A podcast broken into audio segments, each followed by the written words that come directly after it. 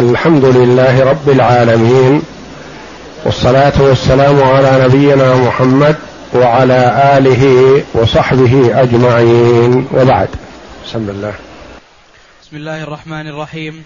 الحمد لله رب العالمين والصلاة والسلام على أشرف الأنبياء والمرسلين نبينا محمد وعلى آله وصحبه أجمعين. قال المؤلف رحمه الله تعالى غزوة بني قينقاع. غزوة بني قينقاع. بنو قينقاع هؤلاء طائفة من اليهود الذين عاهدهم النبي صلى الله عليه وسلم على أن لا يحاربهم ولا يحاربوه. ولا يعينوا عليه عدوا ولا يؤذوه بشيء. ومن حكمة النبي صلى الله عليه وسلم أنه عاهد طوائف اليهود كل طائفة على حدة لأنه يعرف صلى الله عليه وسلم أنهم لا يفون بعهد ولا يوفون بذمة وأنهم سرعان ما ينقضون العهد. فلو كان عهدهم عهدا واحدا فإذا انتقض عهد واحد منهم انتقض عهد اليهود كلهم وهم طوائف وكثر. في المدينة. منهم من هو داخل المدينة ومنهم من هو على حدودها. فبدل من أن ينتقض عهد أربعمائة أو خمسمائة أو ألف رجل أحسن من أن ينتقض عهد خمسة آلاف وعشرة آلاف. فلذا عاهد كل طائفة على حدة حتى إذا انقضى انتقض عهد هؤلاء ما ينتقض عهد الآخرين فيتسلط عليه دفعة واحدة. فهؤلاء بنو قينقاع طائفة من اليهود. عاهدهم النبي صلى الله عليه وسلم على أن يلتزموا ببنود الاتفاقية. فإن غيروا انتقض عهدهم. فيحاربهم النبي صلى الله عليه وسلم والمسلمون وحدهم. يعني هذه الطائفة فقط. دون الطوائف الأخرى بني النظير وبنو قريضة وطوائف أخرى تابعة لهذه لأن الطوائف اليهود الكبيرة المشهورة بنو قينقاع وبنو النظير وبنو قريضة وكل طائفة يتبعها أمة كثيرة من الناس من اليهود. وممن هو موال لهم من العرب من المشركين والكفار والمنافقين. فهؤلاء بنو قينقاع هم أول من نقضوا العهد. ضاقوا ذرعا بنصر الله جل وعلا لرسوله صلى الله عليه وسلم وللمؤمنين في غزوة بدر الكبرى. فصاروا يحاولون الأذى وكانوا قبل متسترين. الحقد والبغضاء والكراهية في قلوبهم وما كانوا يظهرونها. لكن بهذا النصر حسدوا النبي صلى الله عليه وسلم وبدأت قلوبهم تغلي من الغيظ والحقد والحسد لأن اليهود مشهورون بالحسد. يحسدون الناس على ما آتاهم الله من فضله. فما صبروا أظهروا ما شيئا مما في قلوبهم فانتقض عهدهم حينئذ. نعم. قدمنا بنود المعاهدة التي عقدها رسول الله صلى الله عليه وسلم مع اليهود. وقد كان حريصا كل الحرص على تنفيذ ما جاء في هذه المعاهدة. لأنه صلى الله عليه وسلم وفي يفي للمسلم وللكافر. إذا كان بينه وبينه عهد ما ينقض العهد عليه الصلاة والسلام. نعم. وفعلا لم يأتي من المسلمين ما يخالف حرفا واحدا من نصوصها. ولكن اليهود الذين ملأوا تاريخهم بالغدر والخيانة ونكث العهود لم, يلبث لم يلبثوا أن تمشوا مع طبائعهم القديمة وأخذوا في طريق الدس والمؤامرة والتحريش وإثارة القلق والاضطراب في صفوف المسلمين. وهاك مثالا من ذلك. نموذج من مكيدة اليهود. يعني الأمثلة كثيرة. وفعل اليهود السيء كثير وعديد لكن هذه نموذج منها. نعم. قال ابن إسحاق مر شاس بن قيس وكان شاس بن قيس هذا من كبراء اليهود. وشديد الحقد على النبي صلى الله عليه وسلم والمؤمنين. وكان شيخا يهوديا قد عسى قد عسى بمعنى كبر. والشاب يرجى اعتداله وتغيير منهجه أكثر من الشيخ الكبير. فالكبير الهرم هو على ما كان عليه. غالبا ما يبدل ما كان عليه. يصر على طبعه. ولهذا تجد في صدر الإسلام صفوف المسلمين من الشباب. أكثرهم من الشباب لأنهم عندهم قابلية لقبول الحسن بخلاف الشيخ الهرم والكبير. هذا مغلق عليه والعياذ بالله مصر على ما كان عليه ويستحسن فعله القبيح ولا وقليلا ما يتحول عنه إلا من شاء الله. نعم.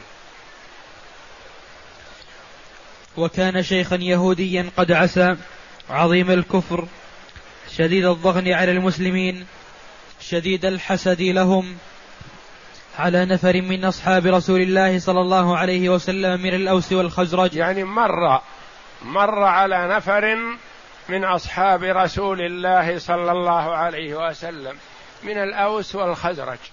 وإذا هم متآلفون متحابون متبادلون النصيحة والتذاكر فيما بينهم ويتذاكرون نعمة الله عليهم حيث ألف بين قلوبهم بين بعد البغضاء والحسد والحروب الطاحنة. وجمعهم الله جل وعلا على محمد صلى الله عليه وسلم. فكان المرء الواحد منهم يؤثر أخاه على نفسه ويحبه كما يحب ابنه وكما يحب أخاه لله وفي الله. وكما قال عليه الصلاة والسلام أوثق عرى الإيمان الحب في الله والبغض في الله. الحب في الله والبغض في الله درجة عظيمة من الإيمان. يعني تحب هذا الرجل وأنت ما بينك وبينه معاملة ولا بينك وبينه قرابة إلا أنه تقي. رجل صالح فيه خير فتحبه وتدعو له. ولو طلب منك مساعدة ساعدته لله لأنه مطيع لله لأنه ولي من أولياء الله. لأنه له نفع في المسلمين فأنت أحببته لأنه ينفع عباد الله لأنه خير فهذا أوثق عرى الإيمان. وأبغضت الآخر وإن كان قريبك من النسب. أو له عليك نعمة أو لك عليه نعمة. أبغضته لأنه شقي لأنه معاند لأنه يؤذي المؤمنين. لأنه لا يصلي لأنه كذا. وكما هو معلوم أنه يجتمع في الشخص أن تحبه وتبغضه في آن واحد. تحبه لصفات وتبغضه لصفات. تحبه لأنه يشهد أن لا إله إلا الله وأن محمد رسول الله. ويصلي ويصوم. وتبغضه لأنه يتعاطى بعض المحرمات. وتناصحه.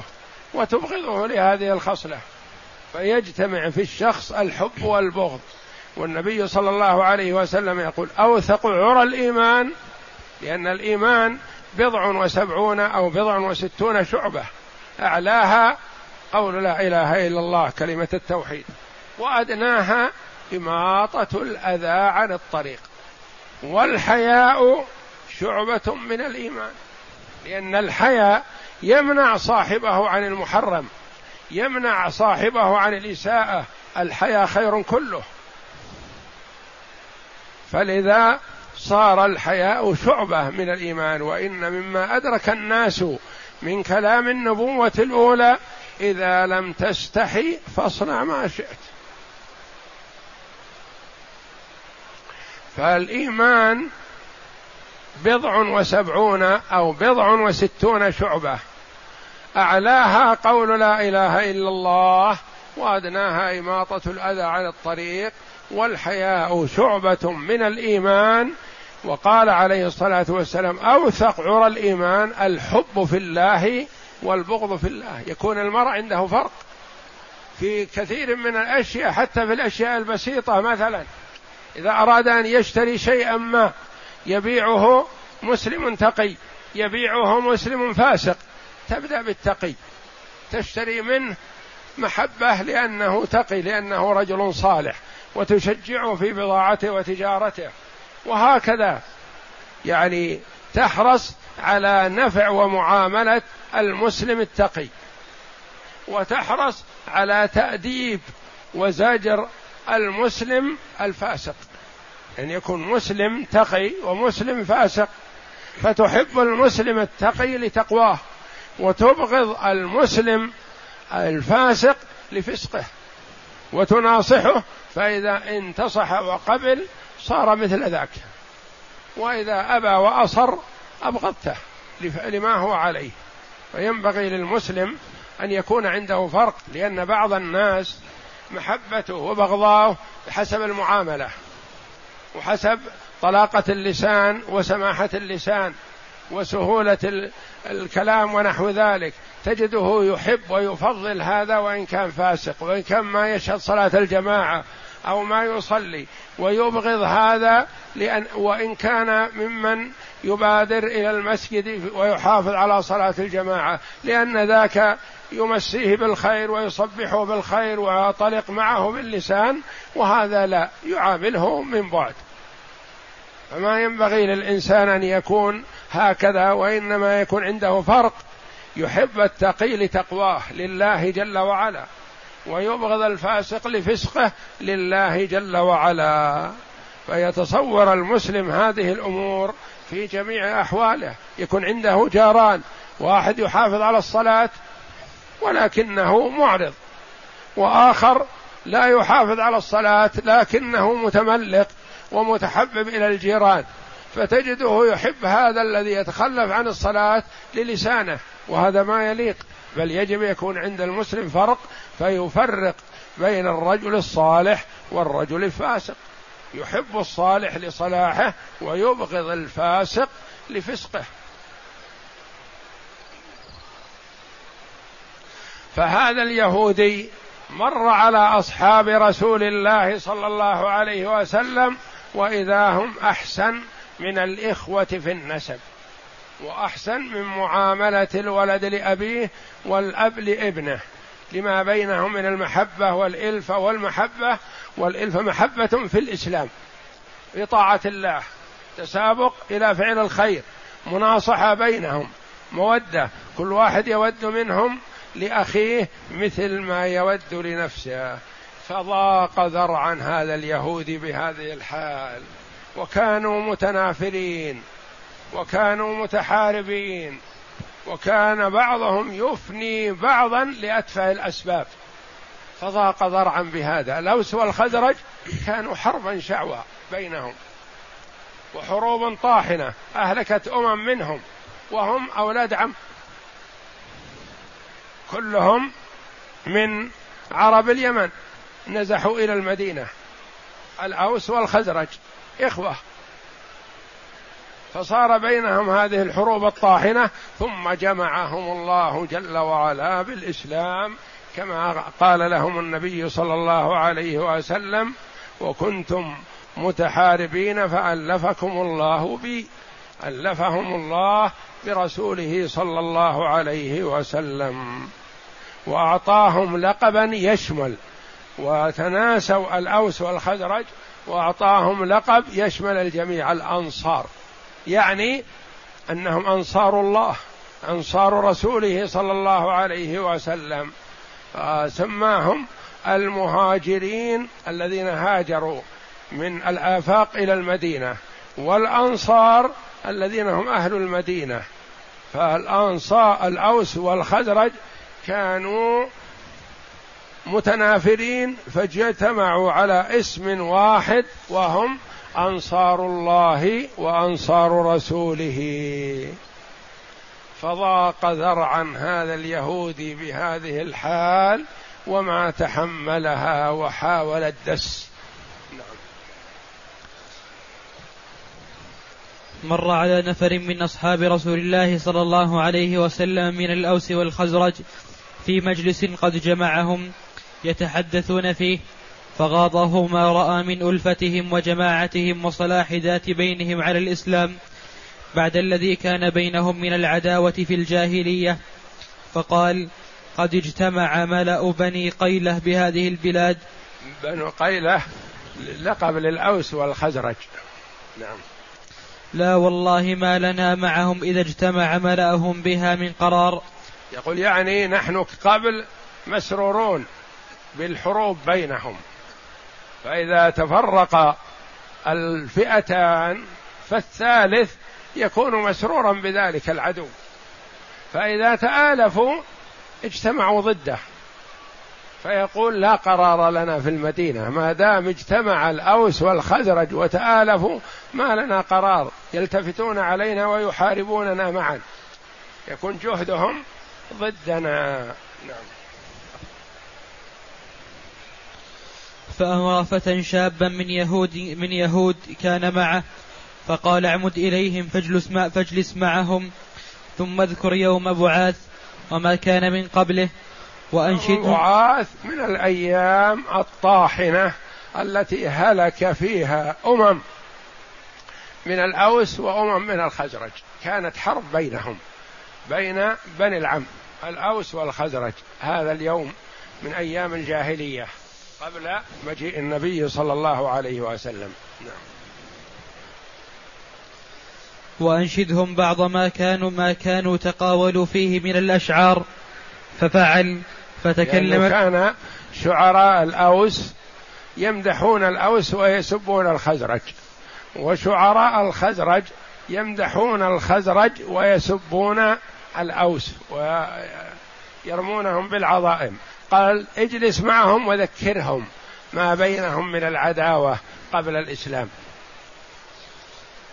ففعل فتكلم القوم عند ذلك وتنازعوا وتفاخروا حتى تنازع الأوس والخزرج اللي كانوا متآلفين متحابين. أثار ما بينهم وحرض بعضهم على بعض فقاموا وتحاربوا وتكلموا تكلموا بكلام سيء ثم تواعدوا بحمل السلاح.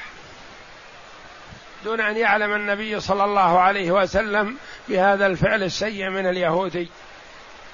فعلم النبي صلى الله عليه وسلم أنهم تواعدوا الحرة. خرج الأوس والخزرج متواعدين الحرة يتقاتلون. بدل ما كانوا إخوة متحابين تواعدوا للقتال. فخرج إليهم النبي صلى الله عليه وسلم ووعظهم فقالوا رجعوا إلى أنفسهم وقالوا هذه نزغة شيطان. عقلاء وخيار لكنه أثار فيهم اليهودي هذه الضغائن التي كانت منسية ومندرسة. حتى تواثب رجلان من الحيين على الركب فتقاولا ثم قال أحدهما لصاحبه إن شئتم رددناها الآن جذعة. جذعة. يعني إن شئتم رجعنا إلى ما كنا عليه سابقا من العداوة والبغضاء والقتال. يعني الاستعداد لإحياء الحرب الأهلية التي كانت بينهم وغضب الفريقان جميعا وقالوا قد فعلنا موعدكم الظاهرة والظاهرة الحرة السلاح السلاح. موعدكم الظاهرة يعني اخرجوا للحرة نتقاتل. نعم. فخرجوا إليها وكادت تنشب الحرب.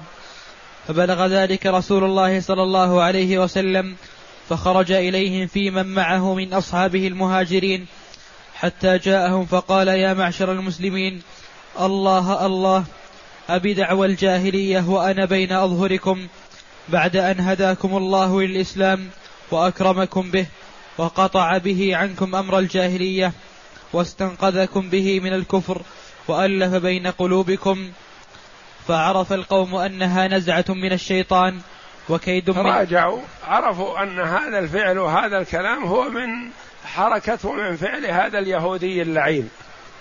نعم.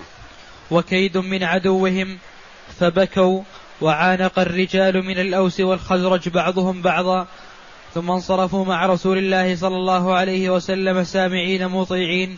قد قد أطفأ الله عنهم كيد عدو عدو الله شاس بن قيس.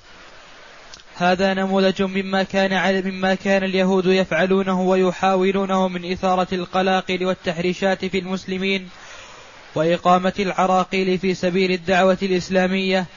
وقد كان لهم خطط شتى في هذا السبيل.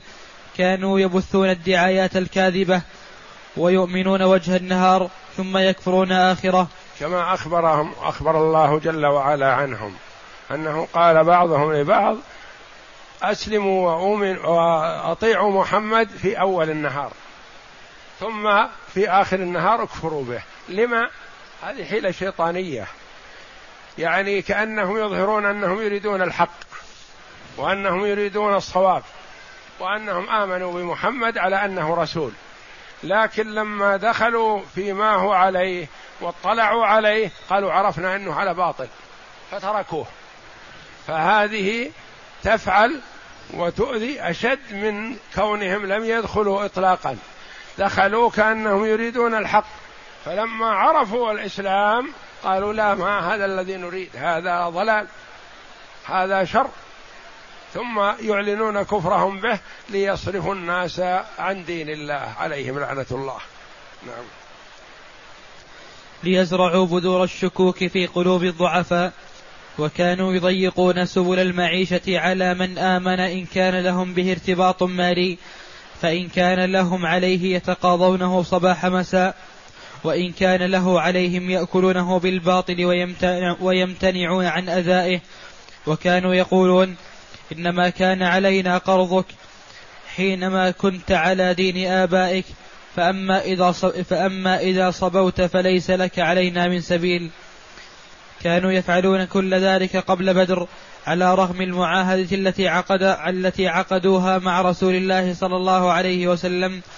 وكان رسول الله صلى الله عليه وسلم وأصحابه يصبرون على كل ذلك حرصا على رشدهم وعلى بسط الأمن والسلام في المنطقة. لعل الله أن يهديهم للإسلام. ما كانوا يحبون منازعتهم ومحاربتهم. نعم. بنو قينقاع ينقضون العهد. نعم. لكنهم لما رأوا أن الله قد نصر المؤمنين نصرا مؤزرا في ميدان بدر وأنهم قد صارت لهم عزة وشوكة وهيبة في قلوب الأقاصي والأداني تميزت تميزت قدر غيظهم وكاشفوا بالشر والعداوة وجاهروا بالبغي والأذى وكان أعظمهم حقدا وأكبرهم شرا كعب بن الأشرف وسيأتي ذكره كما أن أشر طائفة من طوائفهم الثلاث هم يهود بني بنو قينقاع. كانوا يسكنون داخل المدينة. يعني هم مخالطين للأوس والخزرج فهم داخل المدينة. ما كانوا على طرفها أو حد من حدودها وإنما كانوا فيها. نعم. كانوا يسكنون داخل المدينة في حي باسمهم وكانوا صاغة وحدادين وصناع الظروف والأواني. ولأجل هذه الحرف كانت قد توفرت لكل رجل منهم آلات الحروب وكان عدد المقاتلين فيهم سبعمائة وكانوا أشجع يهود المدينة وكانوا أول من نكث العهد والميثاق من اليهود. مغترين بقدرتهم وما عندهم من السلاح وما عندهم من المال وهم كانوا أصحاب حرف وتجارة وبيع وشراء. فجمعوا الأموال وظنوا أنهم لو حاربوا النبي صلى الله عليه وسلم فإنهم سيغلبونه.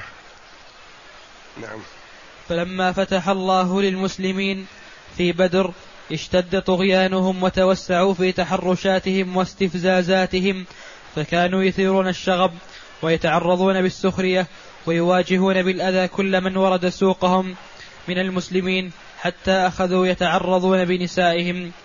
وعندما تفاق أمره تفاقم أمرهم واشتد بغيهم جمعهم رسول الله صلى الله عليه وسلم فوعظهم ودعاهم إلى الرشد والهدى وحذرهم مغبة البغي والعدوان. لأنه كان يتخوف من نقضهم العهد فدعاهم النبي صلى الله عليه وسلم ووعظهم وأرشدهم ودعاهم إلى الإسلام لعل الله أن يهديهم له. لكنهم زاد طغيانهم والعياذ بالله. نعم. ولكنهم ازدادوا في شرهم وغطرستهم. روى أبو داود وغيره عن ابن عباس رضي الله عنه قال لما أصاب رسول الله صلى الله عليه وسلم قريشا يوم بدر وقدم يعني المدينة لما أصاب غلب النبي صلى الله عليه وسلم قريشا في بدر وأصاب منهم مقتلة عظيمة. نعم. جمع اليهود في سوق بني بني قينقاع فقال يا معشر يهود أسلموا قبل أن يصيبكم مثل ما أصاب قريشا. قالوا يا محمد لا يغرنك من نفسك أنك قتلت نفرا من قريش. كانوا أغمارا لا يعرفون القتال. يقول صحبك هؤلاء الذين قاتلتهم قريش وأغلبتهم هؤلاء ما كانوا يعرفون القتال. لكن لو قاتلتنا يا محمد رأيت أننا نحن الرجال. ولن تغلبنا وسنغلبك. فلا يخطر على بالك أنك تحاربنا وتظن أننا مثل قريش لقمة سائغة لك. أولئك ما يعرفون القتال فغلبتهم وأما نحن فلا. نعم. إنك لو قاتلتنا لعرفت انا نحن الناس وأنك لن تلق لم تلق مثلنا. فأنزل الله تعالى قل للذين كفروا ستغلبون وتحشرون إلى جهنم وبئس المئاد. قد كان لكم آية في فئتين التقتا فئة تقاتل في سبيل الله وأخرى كافرة. وهم النبي صلى الله عليه وسلم والمسلمون والأخرى الكافرة قريش في بدر. نعم. يرونهم مثليهم رأي العين. والله يؤيد بنصره من يشاء. يرونهم مثليهم يعني يرى المسلمون أن الكفار مثلهم مرتين أو أكثر وهو كذلك لأن المسلمين ثلاثمائة وبضعة عشر والكفار ما بين تسعمائة وألف فهم بعددهم ثلاث مرات. نعم. إن في ذلك لعبرة لأولي الأبصار. كان معنى ما أجاب به بنو قينقاع هو الإعلان السافر بالحرب ولكن كظم النبي كظم النبي صلى الله عليه وسلم غيظه وصبر وصبر المسلمون وأخذوا ينتظرون ما تتمخض عنه الليالي. وازداد اليهود من بني قينقاع جراءة فقلما لبثوا لبثوا أن أثاروا في المدينة قلقا واضطرابا وسعوا إلى حتفهم بضلفهم وسدوا على أنفسهم أبواب الحياة. روى ابن هشام عن أبي عون أن امرأة من العرب قدمت بجلب لها فباعته في سوق بني قينقاع وجلست إلى صائغ فجعلوا يريدونها على كشف وجهها فأبت فعمد الصائغ إلى طرف ثوبها فعقده إلى ظهرها وهي غافلة فلما قامت انكشفت سوءتها فضحكوا بها فصاحت فوثب رجل من المسلمين على الصائغ فقتله وكان يهوديا فشدت اليهود على المسلم فقتلوه فاستصرخ أهل المسلم المسلمون على اليهود فوقع الشر بينهم وبني قينقاع وبين بني قينقاع. الحصار ثم التسليم ثم الجلاء. وحينئذ عيل الصبر صبر وحينئذ عيل. وحينئذ عيل صبر رسول الله صلى الله عليه وسلم. فاستخلف على المدينة أبا لبابة بن عبد المنذر وأعطى لواء المسلمين حمزة بن عبد المطلب وسار بجنود الله إلى بنو قينقاع. ولما رأوه تحصنوا في حصونهم فحاصرهم أشد الحصار. وكان ذلك يوم السبت للنصف من شوال في السنة الثانية من الهجرة. ودام بدر لأن بدر في رمضان وهذا في أول شوال. نعم. ودام الحصار خمس عشرة ليلة إلى هلال ذي القعدة. وقذف الله في قلوبهم الرعب الذي إذا أراد خذلان قوم وهزيمتهم أنزل عليهم وقذف في قلوبهم. الله جل وعلا من نصره لرسوله صلى الله عليه وسلم يقذف الرعب في قلوب أعدائه والنبي صلى الله عليه وسلم عنهم مسيرة شهر. كما قال عليه الصلاة والسلام من الخمس التي أعطاه الله جل وعلا إياها ولم يعطها أحدا قبله من الأنبياء والرسل قال نصرت بالرعب مسيرة شهر. والرعب يلقيه الله جل وعلا في القلوب بدون أن يرى المرعوب الخائف له سبب ظاهر.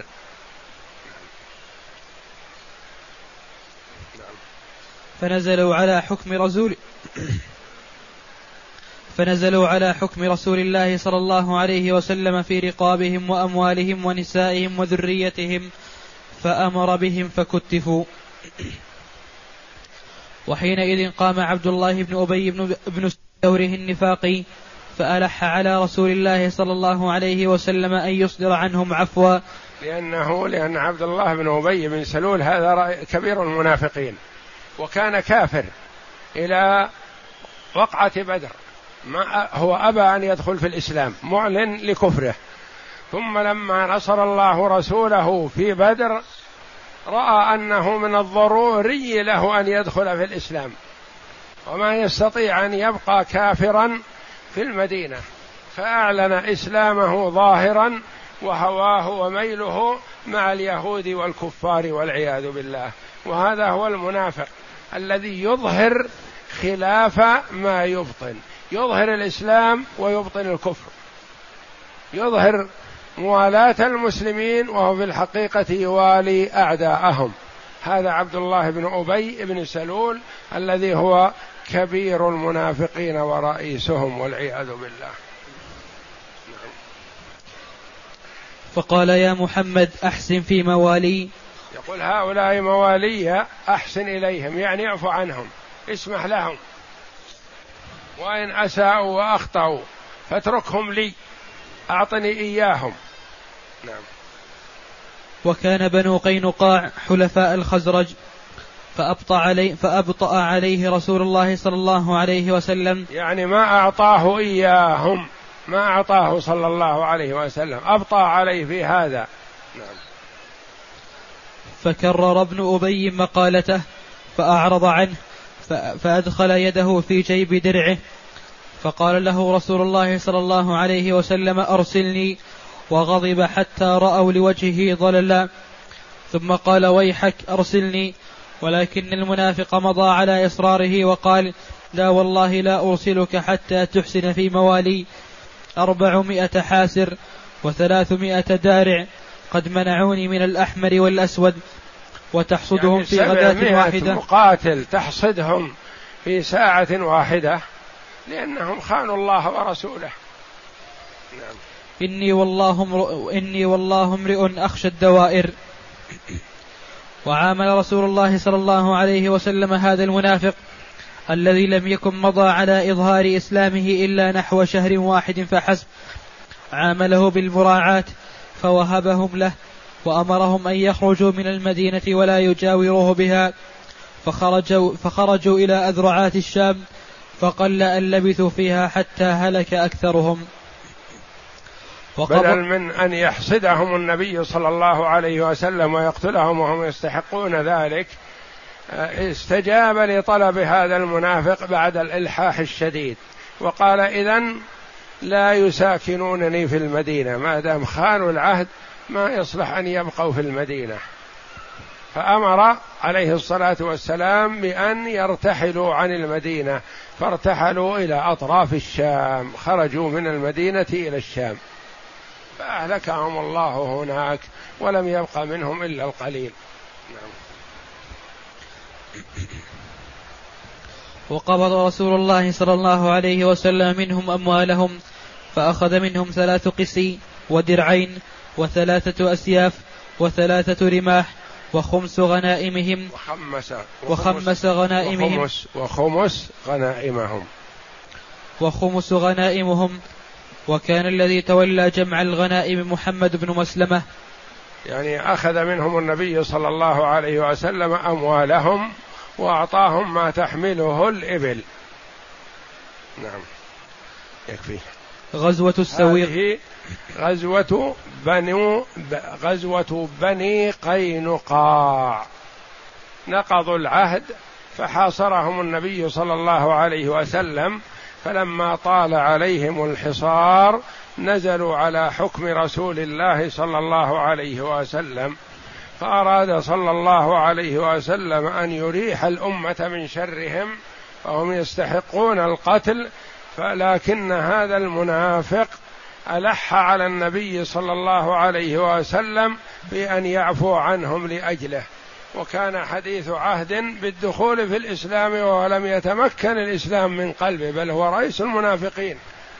فأعطاهم أعطاه إياهم على ألا يسكنوا في المدينة. وأخذ منهم صلى الله عليه وسلم غنائم كثيرة وخمسها يعني أخذ الخمس لما ذكر الله جل وعلا الذي هو الفيء وأعطى المسلمين أربعة الأخماس قسمها بينهم. والله أعلم. وصلى الله وسلم وبارك على عبد ورسول نبينا محمد وعلى آله وصحبه أجمعين.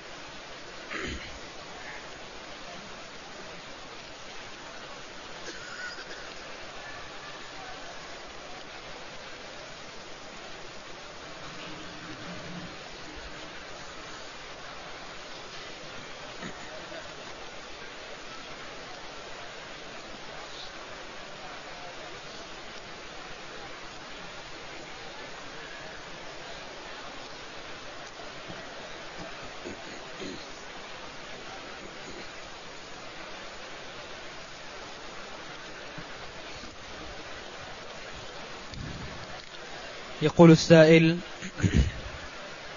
ما هي مدة العدة لامرأة عمرها أربعة وخمسون عاما؟ طلقها زوجها منذ أربعة أشهر ولم تحيض في هذه الفترة غير مرة واحدة. العدد أنواع ولكل امرأة عدة حسب حالها. ما تخرج عن ستة أحوال. كما قال في زاد المستقنع والمعتدات ست. فليست العدة واحدة. فمن تحيض عدتها ثلاث حيض. ومن لا تحيض لصغرها أو كبرها عدتها ثلاثة أشهر. هذه المطلقة. والمعتدة عن وفاة أربعة أشهر وعشرة أيام ما لم تكن حامل. والحامل عدتها بوضع الحمل مطلقة أو متوفى عنها ساعة أو سنة. قد تكون عدتها ساعة أو أقل من ذلك. إذا طلقها زوجها ومات. أو طلقها زوجها وولدت. أو مات زوجها وولدت بعد موته بساعة فإنها تخرج حينئذ من العدة. فهذه المرأة يعتبر قد انقطع حيضها لأن الحيض قل أن يوجد بعد الخمسين. ولذا يقول بعض الفقهاء رحمهم الله لا حيض قبل تسع سنين ولا بعد خمسين سنة. فإذا بلغت المرأة خمسين سنة قل ما تحيض فحينئذ يكون تكون عدتها بثلاثة أشهر.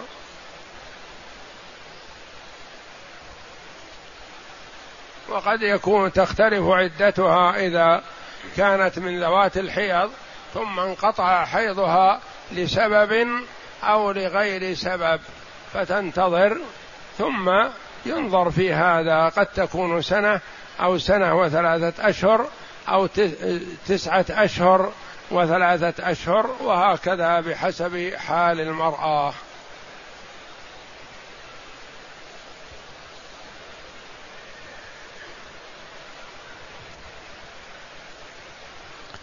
يقول السائل هل يجوز أن نصلي سنة المغرب والفجر مثلا بنية تحية المسجد والسنة معا؟ يجوز.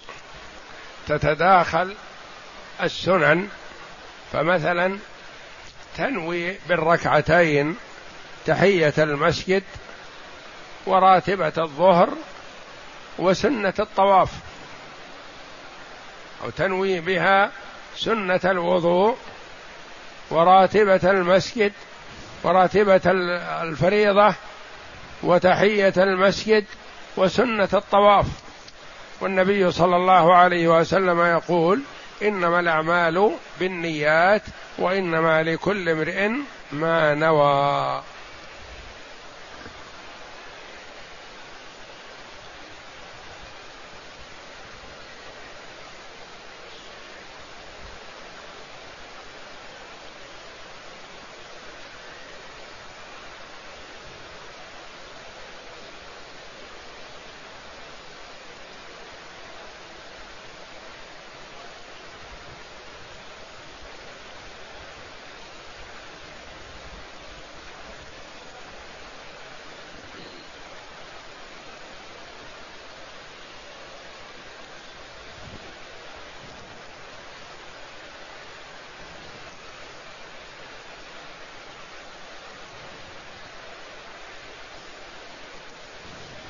يقول السائل وجدت مبلغ خمسون ريال في مقر عملي ثم لبثت قرابة ثلاثة أسابيع ولم يسأل عنها أحد ثم أنفقتها على والدي لأنه كان محتاجا لها. اللقطة أولا لقطة الحرم محل خلاف بين العلماء هل تملك أو لا. وأي لقطة؟ ما يجوز للمسلم أن يمتلكها إلا إذا عرفها التعريف الشرعي والتعريف الشرعي أن ينشدها في مكان المكان الذي فقدها فيه صاحبها أو وجدها الملتقط ينشدها لمدة سنة. فإن جاء صاحبها خلال هذه المدة سلمها له وإلا فله أن ينفقها على نفسه. ثم إذا جاء صاحبها بعد هذا ووصفها سلمها له. وإن لم يأتي فهو حل في إنفاقها. أما إذا لم يعرفها فإنه لا يملكها لا في مكة ولا في غيرها.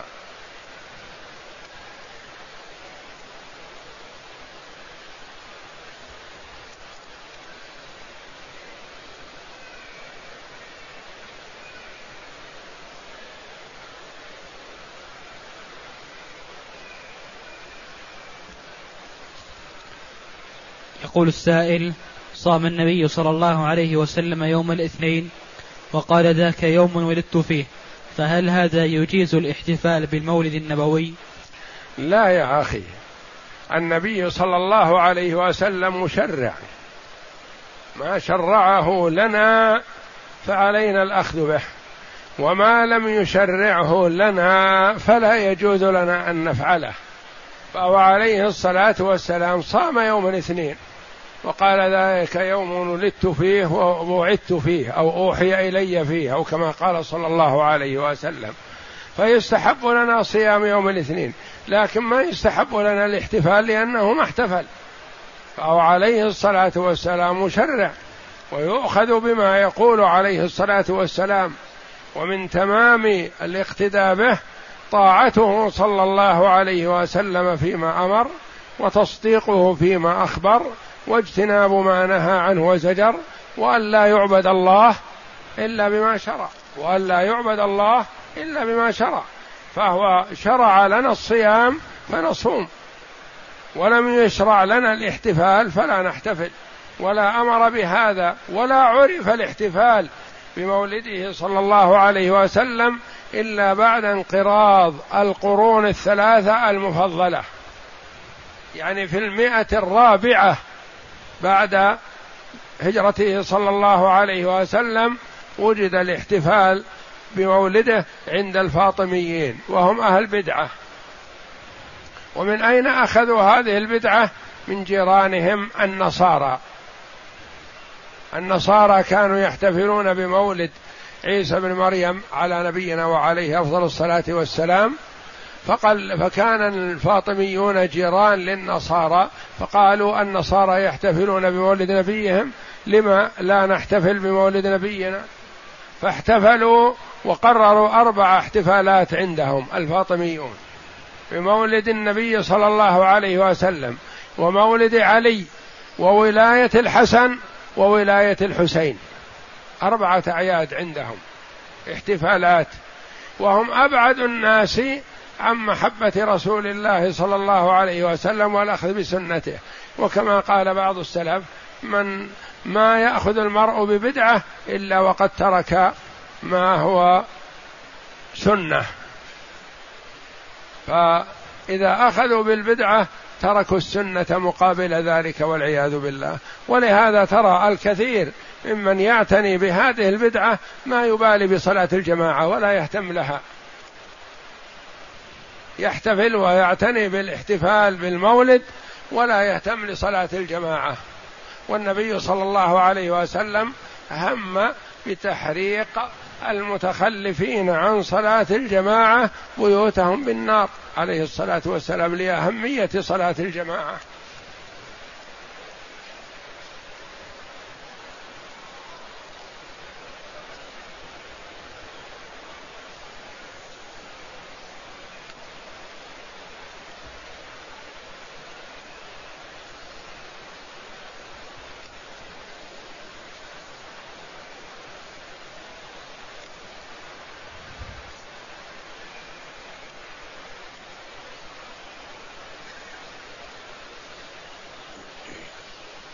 يقول السائل أحرمت بالعمرة من الميقات وبعد ذلك أصبت من وبعد ذلك أصبت من الطيب ناسي أنها من محظورات الإحرام. فماذا علي وقد أتممت العمرة؟ ما دام أن الطيب نسيان فليس فيه شيء والحمد لله. ما يلزم فيه فدية.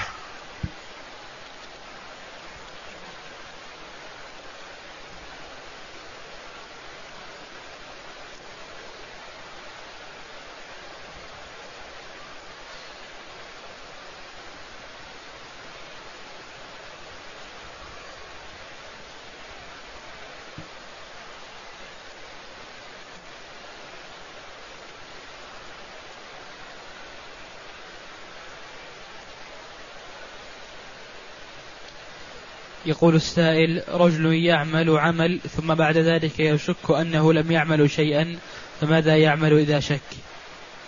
عليه أن يتفطن ويحضر قلبه وهمه وفكره عند العبادة ثم لا يشكك في هذا لأن هذا تلاعب من الشيطان. فالشيطان يحاول أن يدخل على الإنسان ليفسد عليه عبادته. يقول له ما توضأت؟ ما قلت سبحان ربي الأعلى في الصلاة ما قلت سبحان ربي العظيم ما غسلت يديك في الوضوء وهكذا يحاول أن يتلاعب به فعلى المرء أن يستحضر همه وفكره عند العبادة ويؤديها كما أمر ثم لا يلتفت للشك الذي يحصل عند عنه يحصل عنه يحصل معه بعد الفراغ من العبادة.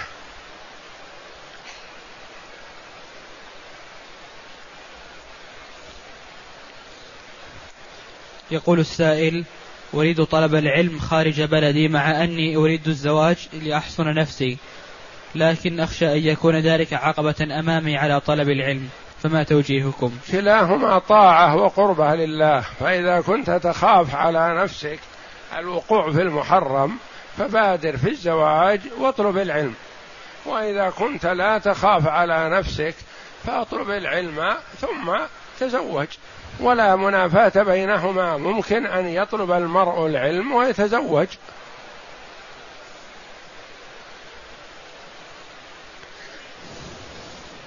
يقول السائل ما معنى تواثب رجلان من الحيين على الركب؟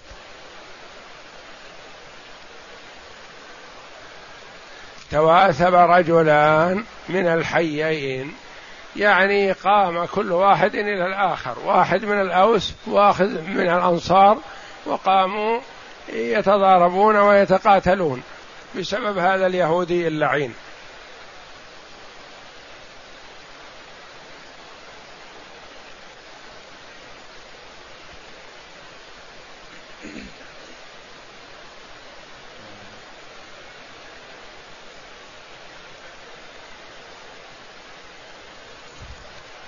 يقول السائل أختي توفيت وتركت مئتي سهم باسمها فهل نصيب زوجها من الأسهم يعتبر دينا عليها أم لا؟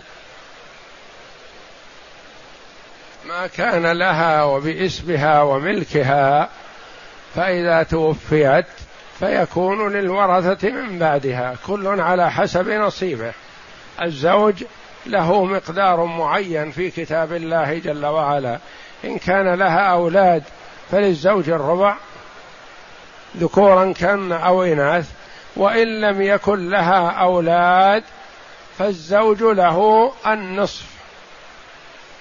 وهكذا وبقية الورثة كل على حسب نصيبه فما يميز أحدهم على الآخر إلا كما بينه الله جل وعلا في كتابه. فالمواريث ما وكل الله قسمتها لملك مقرب ولا لنبي مرسل وإنما تولاها بذاته جل وعلا.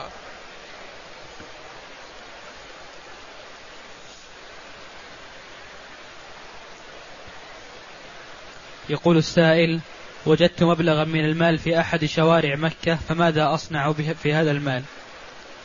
الواجب عليك التعريف. وإذا رأى المرء نفسه أنه لا يستطيع ولا يتمكن من تعريفه فالأولى له تركه في مكانه ولا ياخذه وإذا أخذه فلا يجوز له أن يعيد رميه إلى مكانه وإنما يجب عليه تعريفه ولا يجوز له التساهل فيه وتفريطه.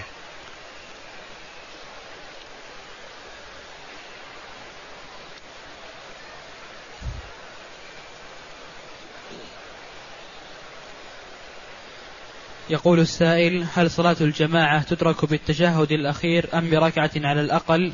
وهل إذا دخل المصلي المسجد وكان الإمام وكان الإمام في التشهد الأخير يدخل معه أم ينتظر حتى تأتي جماعة أخرى؟ تدرك الجماعة بإدراك ركعة وقيل بأقل من ذلك. فإذا أدرك ركعة مع الإمام فقد أدرك الجماعة. وإذا لم يدرك الركعة فالأولى له أن ينتظر. إن دخل إن كان يتوقع وجود جماعة قادمة فينتظر حتى يجد جماعة فيصلي معهم. ولا يسارع بالصلاة منفردا.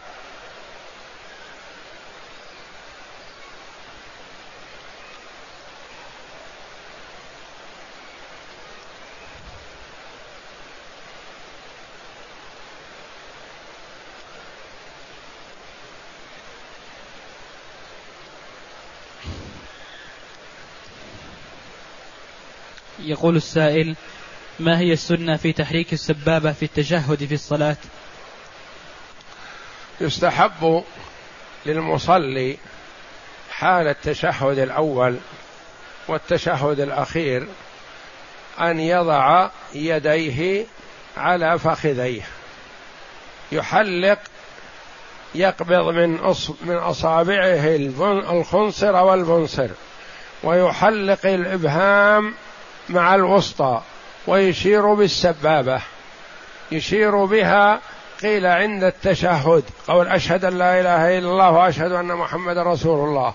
وقيل عند لفظ الجلالة إذا قال التحيات لله. عند قول الله والصلوات والطيبات السلام عليك أيها النبي ورحمة الله. عند ذكر اسم الله جل وعلا يشير بالسبابة. ويبسط اليد اليسرى على فخذه اليسرى ممدودة الأصابع. هذه السنة وكيفما وضعها جاز والحمد لله.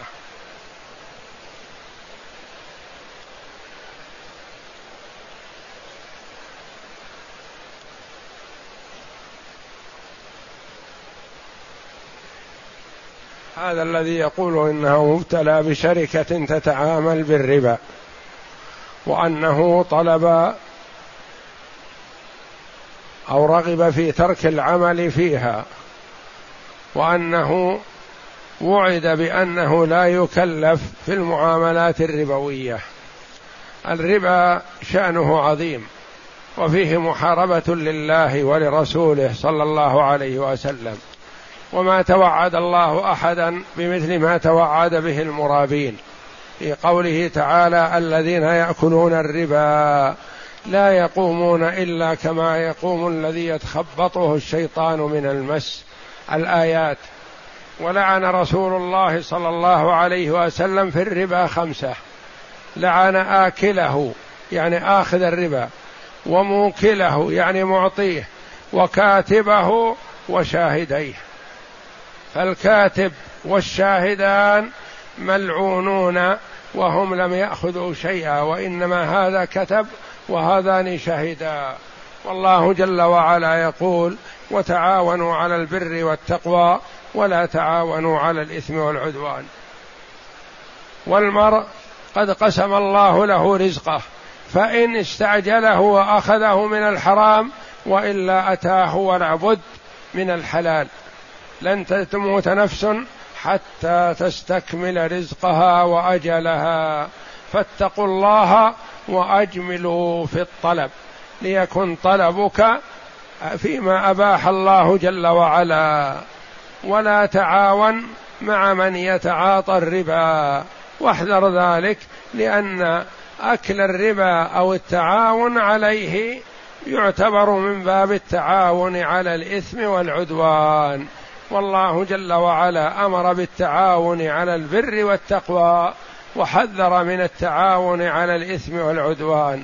وقد بين النبي صلى الله عليه وسلم أن الربا ينتشر في آخر الزمان ويكثر حتى من لم يأكله ناله من غباره. نسأل الله العافية والسلامة. والله أعلم. وصلى الله وسلم وبارك على عبده ورسول نبينا محمد وعلى آله وصحبه أجمعين.